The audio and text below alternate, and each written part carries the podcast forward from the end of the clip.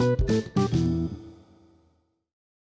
Herkese merhabalar. Bugün yeni bölümümüzde tarih kuşağına devam ediyoruz ve konumuz Roma'nın korkulu rüyası olan Fatih Sultan Mehmet'in Mustafa Kemal Atatürk'ün bile hayran olduğu antik çağın en önemli isimlerinden birisi olan Hannibal olacak. Hannibal'ın hayatını, Roma ile mücadelelerinden bahsedeceğiz, hayatını konuşacağız. Kendisi günümüzde bile askeri stratejinin dehalarından birisi olarak kabul ediliyor. Bu dehayı ve savaşlarını konuşacağız. Hazırsanız Roma'nın en büyük düşmanı olan Hannibal'ı konuşmaya başlıyoruz. Hannibal M.Ö. 247 ve 183 yılları arasında yaşamış Kartacalı bir komutan, bir kumandan. Kartaca bugünün Tunus Yarımadası'nda kurulmuş olan bir devlet.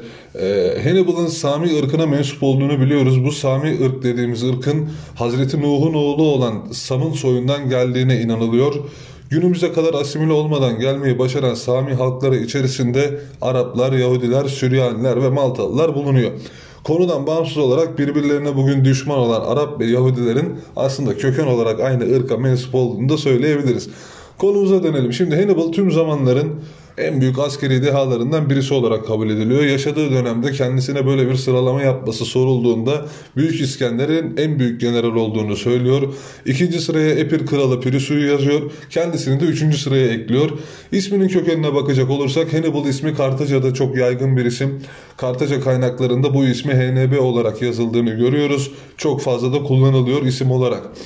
Az önce de söylediğim gibi Hannibal M.Ö. 247 yılında Kartaca'da doğdu. Kartaca ile Roma arasında gerçekleşen 1. Pön Savaşı'nın ünlü kahramanlarından biri olan Kartacalı kumandan Hamilkar Barka'nın oğlu. Birkaç kız kardeşinin ve iki erkek kardeşinin olduğunu ve babasıyla beraber küçük yaşlarda savaşlara katılmaya başladığını da kaynaklardan biliyoruz. Bazı kaynaklarda babasının yönlendirmeleri ve isteğiyle Roma'ya karşı her zaman bir kin duyacağına yönelik bir ant içtiği söyleniyor. Hannibal'ın biraz sonra bahsedeceğim bundan. Birinci Pön Savaşı Kartaca'nın yenilgesiyle sonuçlanıyor. Bu kayıptan sonra Hannibal'ın babası Hamilkar ailesinin ve ülkesinin şanını kurtarmak için bir yolculuğa bir sefere çıkıyor ve Gades tarafından da desteklenen Hamilkar İber Yarımadası'ndaki kabilelere karşı çeşitli zaferler kazanıyor. O dönemlerde özellikle savaşın kaybedilmesinden sonra Kartaca çok kötü ve zor durumlar içerisine giriyor. Öyle ki orduyu taşıyacak bir donanma bile kalmıyor. Bu durum içerisinde Hamilkar ordusunu Numidia boyunca Herkül sütunlarına doğru ilerletiyor ve ardından Cebeli Tarık'ı geçiyor. Polybus'a göre Hannibal'ın babasının yanında gitmek için yalvardığını, Hamilkar'ın oğluna yaşadığı sürece asla Roma'nın bir arkadaş bir dost olmayacağına dair kendisine yemin ederse yanına götüreceğini söylüyor, yanında götüreceğini söylüyor. Hatta Hannibal'ın 9 yaşlarında babasının kendisini deniz aşırı bir savaşa götürmesi için yalvardığına dair tarihsel kayıtlarda bulunuyor. Hannibal'ın babası İspanya'nın fethi sırasında ölüyor. Ardından Hannibal'ın kayınbiraderi olan Astrubal Hannibal'ı 18 yaşındayken emrinde bir subay olarak hizmet vermesi için orduya alıyor. Hannibal 26 yaşındayken M.Ö. 221 yılında kayınbiraderinin öldürülmesi üzerine ordu tarafından başkomutan ilan ediliyor. Romalı bilim insanlarından Livi'nin Hannibal'ın Kart Kartaca ile yakın ittifakları olan İspanyol şehri Castulo'yu Castulolu bir kadınla evlendiğini aktarıyor. Hannibal'ın başkomutan olmasından sonraki iki yıl, ilk iki yılını mülklerini pekiştirmek ve İspanya'nın fethini tamamlamakla geçirdiğini biliyoruz. İspanya'nın en büyük ve en uzun nehri olan Ebro'nun batısında bulunan topluluklar üzerinde bir hakimiyet kuruyor. Hannibal 1. Pön Savaşı'nın devamının olduğunu çok iyi biliyormuş aslında ve kendisi ilk darbeyi vurmak istiyordu. İspanya'daki ilk iki yılında konumunu sağlamlaştırdıktan sonra M.Ö. 219 yılında Roma'nın bir müttefiki olan Sagunto şehrini kuşatıyor ve 8 ay süren kuşatmanın ardından bu şehri ele geçiriyor. Sagunto ya da eski adıyla Saguntum kuşatması olarak bilinen bu mücadele tarihin en çok bilinen mu- muharebelerinden bir tanesidir. Kuşatmadan da bahsetmek istiyorum. Aslında bu şehrin kuşatılması tamamen Roma ve Kartaca arasındaki rekabetten kaynaklanıyor. Olayların bu noktaya gelmesinin en büyük nedenlerinden birisi şehirdeki Kartaca destekçilerinin suikast ile öldürülmesi oluyor. Şehrin yönetiminin bir kısmı Kartaca'dan yardım istiyor, bir kısmı Roma'dan yardım istiyor. Bu istek üzerine Roma Sagunto şehriyle bir müttefiklik anlaşması yapıyor ve Sonra da Hannibal'a bir elçi göndererek Roma'nın müttefiki olan bu şehir devletinin iç işlerine karışmamasını bildiriyor. Ardından da Hannibal şehri kuşatıyor ve 8 ayda ele geçiriyor az önce söylediğim gibi. Şehrin Hannibal'ın eline geçmesinden sonra Sagunto şehrinin bazı yöneticilerinin intihar ettiğine dair kaynaklarda bilgiler bulunuyor. Bunun üzerine Roma çok sert bir tepki gösteriyor ve Kartaca devletine bir ultimatom veriyor. Hannibal'ın ve yardımcılarının kendilerine teslim edilmesini istiyorlar. Ancak Kartaca bu talebi reddedince Roma savaş ilan ediyor. Roma ile Kartaca Savaşı'nı başlatan kuşatma olması nedeniyle de bu kuşatma tarihin en çok tanınan, en tanınan muharebelerinden biri olarak sayılıyor. Az önce belirttiğim gibi bu kuşatmanın ardından Roma Kartaca'ya savaş ilan etti ve Hannibal da kardeşini İspanya'da bırakarak İtalya üzerine doğru yürüyüşe geçti. Gelelim 2. Pön Savaşı'na. Bu arada Pön Romalıların Kartarcalılara verdiği isimdir ve savaşları biz bu yüzden Pön Savaşı olarak biliyoruz. Hannibal Roma'nın denizlerdeki üstünlüğünü çok iyi biliyordu ve İtalya'ya gidebilmenin tek yolunu kara harekatı olarak görüyordu. Kartaca ordusunun 90 bin piyade, 12 bin süvari ve 37 savaş filinden oluştuğuna dair kaynaklar mevcut. Böyle bir güçte ordu ne Roma'da o dönemde ne Roma'da bulunuyordu ne de Helen'de mevcuttu.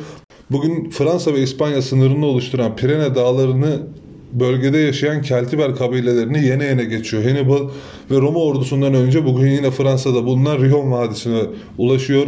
İtalya'ya ilerleyebilmek için buraya geçmeliydi ve bölgedeki Romalıları ve Roma'nın müttefiklerini atlatmak için ya yeni bir yol bulacağız ya da yeni bir yol yapacağız diyerek Hannibal vadinin yukarısından bir yay çizerek Alp dağlarını aşıyor.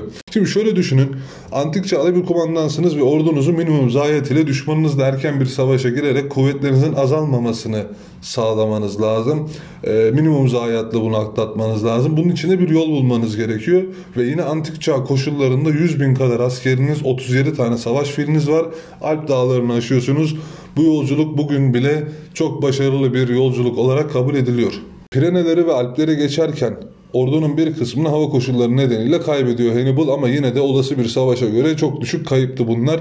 Ardından kalan kuvvetleriyle beraber Po Ovası'na doğru ilerliyor. Bu Po Ovası İtalya'nın kuzeyinde bulunan bir ova. Bugün Milano, Venedik, Parma, Novara, Brescia gibi İtalyan şehirlerinin bulunduğu yer aynı zamanda burası. Yol üzerinde giderken Hannibal'ın ordusuna Keltlerden 14 bin kadar askerinde katıldığını biliyoruz. Galyalıların katıldığını biliyoruz. E, Hannibal'ın ordusu onları durdurmaya gelen bir Roma ordusunu orada yeniyor. Bu 2. Pön Savaşı'nın ilk savaşıdır. Burada Roma ordusunu yeniyor. Ardından M.Ö. 217 yılında İtalya'daki Apennin dağlarında geçerek Roma'ya doğru ilerliyor. Trasimene Gölü var. Trasimene Gölü muharebesinde ana Roma ordusunda adeta bozguna uğratıyor. Bu savaştan bahsedelim. Bu savaş askeri tarih alanının en geniş ve en başarılı pusularından birisi olarak kabul ediliyor. Hannibal bölgeye geldiğinde Buranın pusu kurmak için çok iyi, çok uygun bir yer olduğunu fark ediyor. Bu arada Roma ordusunun da peşinden geldiğini ve ana kuvvetleriyle savaş hazırlıkları yaptığını da istihbarat sayesinde öğreniyor. Bu Trasimene Gölü'nün kuzey tarafı yoğun, çok yoğun ormanlarla kaplı, tepelerle dolu. Bunun için kampını bu ormanlık alanın içerisinde kuran Hannibal bölgeyi tamamen görüş açısı içerisine alıyor. Buradaki konumunu güçlendiren Hannibal'ın ordusu özellikle Romalılar beklenen pozisyona geldiğinde sol kanattan saldırıya geçebilmek için büyük ve yeterli bir alana sahip oluyorlardı. Roma ordusu göl ve tepeler arasındaki dar geçitlerden geçerek gölün kuzeyinde bulunan düzlüklere ulaştığında trompet sesleri çalmaya başlıyor. Kartaca ordusunun süvarileri ve piyadeleri aşağıya doğru harekete geçiyorlar ve bölgeye girişi sağlayan geçidi kapatıyorlar. Ani bir saldırıya maruz kalan Roma birlikleri üçe bölünüyor ve bir savaş düzeni oluşturamıyorlar. Açık bir ovada savaşın içerisinde kalıyorlar. Roma kuvvetlerinin batı tarafı da Kartacalı süvarilerin saldırısına uğradı ve bu saldırı diğer iki grubun desteğini almaktan mahrum bıraktı bu batı kanadını. Merkezde Roma kuvvetlerinin başında bulunan Flaminius'un içinde bulunduğu grupta Hannibal'ın Galyalı kuvvetleriyle savaştılar ancak bir süre sonra onlar da mağlup oluyorlardı. 4 saatten çok daha az süren bir savaş bu. 4 saatten kısa bir sürede Roma ordusu imha ediliyor. Yaklaşık 30 bin kadar Roma ordusunun mevcudu o savaşta. 15 bin kadarı savaş sırasında ya öldürülüyor ya da göle kaçarken göl, göle kaçtıklarında gölde boğuluyorlar. Roma ordusunun başındaki Flaminius ise bir Galyalı tarafından savaş esnasında öldürülüyor. Roma ordusunda kalan 10 bin kişiyi karışık şekilde Roma'ya doğru yönlendiriyorlar. Hannibal'ın ordusu Roma'ya doğru yönlendirmek zorunda bırakıyorlar. Onları o tarafa doğru çekiyorlar. ele geçirdiklerini esir alıyorlar. Kaçan 6000 Romalı asker var. Bu 6000 Romalı askerin silah ve zırhlarını teslim etme vaadiyle ele geçiriyorlar. Ancak bunu da Hannibal bir riayetsizlik olarak görüyor ve bu 6000 kişiyi köle pazarlarına gönderiyor. Hannibal'ın kumandasındaki Kartaca ordusunun kaybının ise 2500 civarında olduğunu biliyoruz. Bu arada savaştan 1-2 gün sonra bölgeye bir Romalı yöneticinin 4000 kişilik kadar bir kuvveti ulaşıyor. Burada da bir savaş meydana geliyor. Roma kuvvetlerinin tamamı 4000 kişinin tamamı burada yok ediliyor. Hannibal buradan sonra ilerlemeye devam ediyor ancak Romalıların e, Vurkaç Savaşı'na girişmesi yüzünden açıkçası hızı azalıyor ve bunun üzerine Hannibal'ı Roma'ya kuşatmak yerine güneye inerek Latin şehirlerini Roma'ya karşı isyana kışkırtmayı planlıyor. Onu durdurmak üzere Romalılar bir ordu daha gönderiyorlar ve 2. Pön Savaşı'nın başlıca 3 muharebelerinden biri olan Kent Savaşı yaşanıyor. Bu savaştan çok detaylı bahsetmeyeceğim ancak bazı kilit noktalar var. Bu savaşı Hannibal bizim bildiğimiz hilal taktiğiyle kazanıyor ve Roma ordusunu imha ediyor.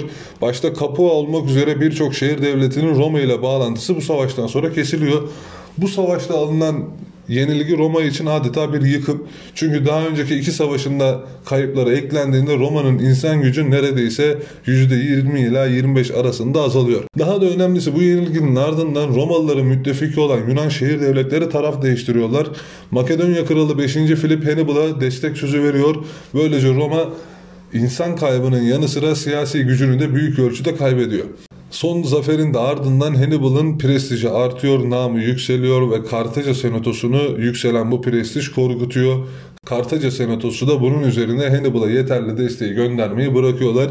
Az önce söylemiştim Roma ile bağlantısı kopan Capua şehri yeniden toparlanmaya başlayan Roma ordusu tarafından M.Ö. 211'de tekrar ele geçiriliyor.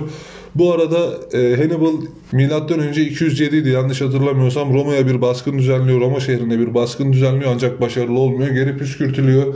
Hannibal İtalya'ya doğru, Güney İtalya'ya doğru yürüyüşe geçerken geri çekilirken İspanya'da kardeşini bıraktı demiştik ilk konuya başlarken kardeşi İspanya'dan yardım için gelmeye gelmeye çalışıyor, harekete geçiyor. Kuzey İtalya'ya ulaştığında Romalılar tarafından Hannibal'ın yanına gelen kardeşi ve yanındaki askerler Romalılar tarafından öldürülüyor. Bunun da üzerine İtalya'nın güneyine çekiliyor demiştik. Hannibal, Hannibal buradaki dağlara geri çekiliyor. Bir Roma ordusunun Afrika'ya çıkması üzerine M.Ö. 203 yılında Kartaca'ya geri çağrılıyor Senato tarafından ve Roma ordusu ile M.Ö. 19 Ekim 202 tarihinde Zama Muharebesi'nde karşılaşıyorlar. Bu savaşı Romalılar kazanıyor ve yenilginin ardından Kartaca senatosu barış talebinde bulunuyor. Roma'dan bununla birlikte 17 yıl süren 2. Pön Savaşı da sona eriyor. Bu arada şunu da söyleyeyim konumuza başlarken Hannibal'ın bir sıralama yaptığından bahsetmiştim. Bu sıralamayı az önce anlatmış olduğum Zama Savaşı'nın ardından Romalıların komutanı olan Scipio ile Hannibal'ın arasındaki bir buluşmada söylendiği bahsediliyor ancak bugün kimi tarihçi bu hikayeyi uydurma olarak değerlendiriyor. Yani ikisinin buluşmasının olmadığı kimi tarihçiler tarafından söyleniyor. Her ne kadar son savaşı kaybetmiş olsa da hem bu savaş yüzünden hem de yükselen prestij üzerinden Hannibal'a karşı yükselen bir muhalefet var. Bu muhalefetin üzerine Hannibal gönüllü olarak sürgüne gidiyor. Önce Selefkos İmparatorluğu olmak üzere Bitinya Krallığına ve bazı devletlere giderek buralardaki saraylarda askeri danışmanlık yapıyor. Birçok kaynakta Bursa şehrinin kurucusu Hannibal olduğu söylenir. Ee, Bitinya Kralı'nın yanındayken bugünkü Bursa'nın olduğu yerde krala burada bir şehir kurmasını öğütlediği ve şehirdeki ilk içme suyu şebekesinde kurduğu düşünülüyor. Milattan önce 183 ya da 182 yılına gelindiğinde Bitanyalılar tarafından Roma'ya teslim edileceğini fark ettiğinde yüzüğünde taşımış olduğu zehri içerek Hannibal kendi hayatına son veriyor. 1935'lerin sonuna doğru Ulu Önder Mustafa Kemal Atatürk'ün emriyle Hannibal'ın mezarını bulmak için bazı kurumlar görevlendirilmiş ve bazı çalışmalar yapılmış. Mezar bulunamamış olsa da Atatürk'ün mezarının bulunması ve anıt yapılması isteği bir vasiyet kabul edilmiş. Gebze'de Kocaeli Gebze'de TÜBİTAK arazisi içerisindeki Hannibal Tepe'ye 1981 yılında bir anıt yapılıyor. Bu anıtın üzerinde bu anıt Atatürk'ün doğumunun 100. yıl dönümünde büyük komutan Hannibal'a olan beğenilerin bir ifadesi olarak yapılmıştır. Hannibal Kartaca'nın ünlü bir komutanı ve devlet adamıdır. M.Ö. 247 yılında Kuzey Afrika'da doğmuş, Roma'yı yok etme duyguları içerisinde yetişmiştir diye uzayan Hannibal'ın kısaca hayatının anlatıldığı bir yazıda bulunmaktadır bu anıtın üzerinde. Hannibal Roma toplumunda birçok kişiyi çok büyük sıkıntılar içerisine soktu. Öyle bir figür haline geldi ki ne zaman bir felaket meydana gelse Romalı senatörler korkularını ya da endişelerini ifade edebilmek için Hannibal kapıda diye bağırıyorlarmış. Hannibal'ın hakkında tarihçilerin elindeki kaynakların çoğu Romalılara ait. Onu Roma'nın karşılaştığı en büyük düşman olarak görüyorlardı. Az önce bahsettiğimiz Liviv isimli bilim insanı da bize Hannibal'ın son derece acımasız olduğuna dair fikirler veriyor. Cicero bile Roma ve onun iki büyük düşmanlarından söz ederken biri onurlu Pyrrhus ve zalim Hannibal olarak nitelendiriyordu. Öyle değerlendiriyordu. Kimileri tarafından Hannibal'ın bazı savaş stratejilerinden Mustafa Kemal Atatürk'ün Kurtuluş Savaşı sırasında Yunanlara karşı başarıyla kullandığı bahsediliyor, anlatılıyor. Ancak bununla alakalı ben çok fazla kaynak bulup doğrulayamadım. Bazı savaş tarihçileri Hannibal'ı askeri stratejinin babası ünvanını vermişler. E, çünkü en büyük düşman olan Roma bile bazı savaşlarda onun taktiklerini kullanmıştır. Öldüğü tahmin edilen yerde bugün Kocaeli Gebze'de bir lisede Hannibal'ın adının verildiğini de son olarak söylemek istiyorum. Bilgilerle de bugünkü programımızın sonuna geldik. Hannibal'ı konuştuk, savaşlarından, stratejilerinden bahsettik. Dinlediğiniz için çok teşekkür ediyorum. Bir sonraki bölümde görüşmek üzere. Kendinize çok iyi bakın. Hoşçakalın.